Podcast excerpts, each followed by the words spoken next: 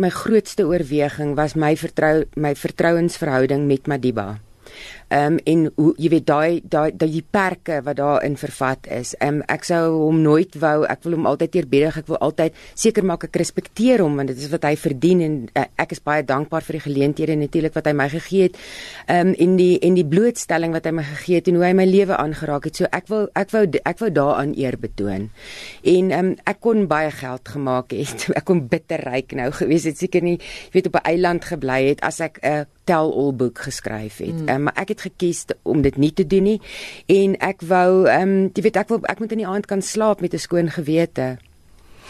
Een van die groot uh, kwessies natuurlik rondom hierdie boek deur Dr Ramlakan was oor of hy soos wat hy die uitgewers laat verstaan het wel oorleg gepleeg het met familielede. Het jy met familie gepraat terwyl jy die boek geskryf het of daarna of voor dit? Heinrich weer eens, dit is 'n um, heeltemal 'n ander saak en dis nie twee boeke eintlik wat kan vergelyk word nie want um, in die dokter se boek praat jy oor dokter-pasiënt vertroulikheid. Ehm um, en my boek was oor my ondervindinge geweest. My boek was nie oor Madiba nie. My boek was oor my verandering. So mense sê dit is 'n Madiba boek. Ehm um, ja, natuurlik het Madiba 'n groot deel in my lewe gespeel, maar dit het, het nie net oor Madiba gegaan en dit is hoekom ek ook nooit byvoorbeeld in die boek geskryf het oor stories wat Madiba vertel het nie.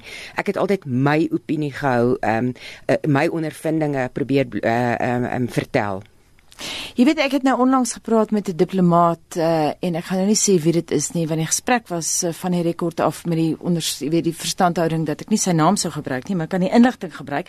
Hy het vir my vertel hoeveel druk prinses Diana se ma destyds op hulle gesit het dat sy vir Madiba moes ontmoet en so aan. So hier sit jy met hierdie wêreldfiguur wat ander wêreldfigure sê dit is ons ikoon. Mm. Ons wil hom ontmoet.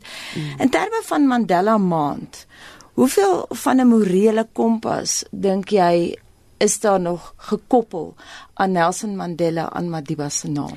Anita, ek dink um, deur Mandela maand het ons gesien daar is 'n golf van verandering deur die maand. Ek hoop dit is iets wat ons kan volhou.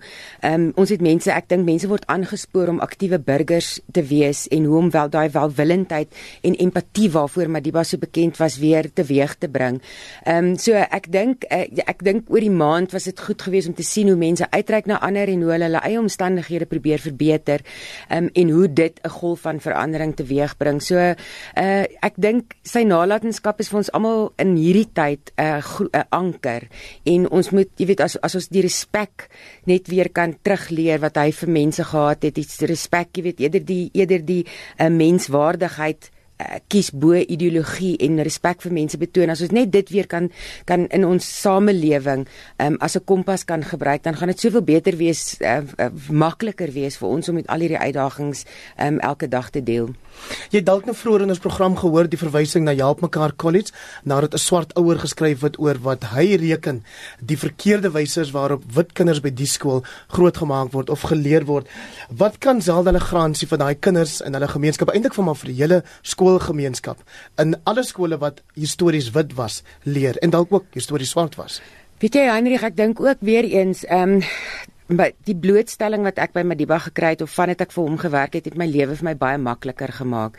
En hoe vroeër 'n kind in my opinie, ehm um, jy weet dit is natuurlik ek het nie die autoriteit om hieroor te praat nie, maar ehm um, hoe vroeër 'n kind daai blootstelling kry, hoe makliker gaan jou lewe wees. So ouers moet myself daai besluit maak. Ehm um, ek dink ek het gelukkig in 'n huis groot geword waar my ouers my oopgemaak het vir die blootstelling al was die blootstelling nie noodwendig daar nie. Ehm um, maar dit is interessant, dit maak ook jou lewe interessant. Dit gee diversie aan jou lewe lewe en en en en ehm um, dit hou jou brein aan die gang man. So jy weet so hoe vroeër hoe beter. Sal jy die afgelope paar jaar baie gereis om jou boek ook in die buiteland bekend te stel Wat is die een ding wat almal sê is daar 'n soort van 'n leitmotief in gesprekke wat internasionale mense het met jou oor Madiba? Ja, ons on, ek dink ons staar onsself blind teen die krisisse in Suid-Afrika. Is ook maar miskien die probleem van social media, maar reg oor die wêreld vind ek mense het hoop nodig. Mense wil weer weet hoe om prakties um, uiting te gee aan aan die implementering van ehm um, uh, solidariteit met jou medemens, eh, 'n uh, klimaatskep van samewerking. Ehm um, Madiba was so so so oortuigend of so geloofwaardig in sy oortuiging deurdat hy elke dag vir ons gewys het ehm um, jy weet waar waarop hy sy lewe gebaseer het. So mense wil daai stories hoor, mense wil hoop hê en dan natuurlik die kwessie van rasisme. Almal reg oor die wêreld sukkel daarmee. En so was jy pas in Australië, 'n land wat self steeds gebuk gaan onder sy eie geskiedenis van die onderdrukking van inheemse gemeenskappe daarso. Wat se insigte het jy met hulle gedeel of wat het jy daar wys geword? Weereens Heinrich, ek dink mense kan leer van Suid-Afrika se um, geskiedenis en ook van my ondervindinge en en hoe ons met sekere kwessies um te werk gegaan het in die geskiedenis. En um natuurlik mense wil die Madiba stories hoor, jy weet die snaakse stories en so aan, maar mense wil hoor hoe het hy met rasisme gedeel? Hoe het hy met uh, hoe het hy hierdie hierdie klimaat geskep van samewerking en uh, wat 1990 tot 4 tot 99 basies moontlik gemaak het. Um jy weet en en, en mense wil uit aard weet of hulle wil hoor, verandering begin by jouself. As jy nie jouself op jouself eerstens fokus nie en dis dis ultimately wat Madiba gedoen het. Hy het aan homself uit homself verander. Ehm um, ons moet nooit vergeet nie hy was 'n revolusionêre ehm um, 'n kampvegter vir vir vir die ANC gewees toe hy tronk toe is en hy moes baie hard aan homself werk om van daai woede ontslae te raak. So verandering begin altyd by jouself.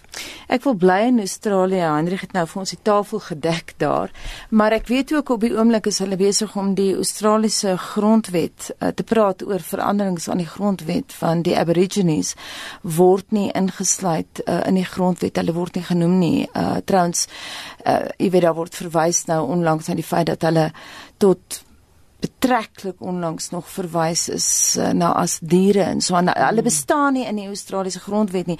So is is daar 'n bewussyn by die Aussies oor die foute wat hulle ook gemaak het en dit en dan 'n vergelyking met hoe ons foute gemaak het maar dit toe probeer regmaak. Ek dink dit is miskien die belangstelling op die oomblik in in my en in my boek in Australië is juis daarop gebaseer dat hulle we wil weet, jy weet hoe gaan ons hiermee te werk.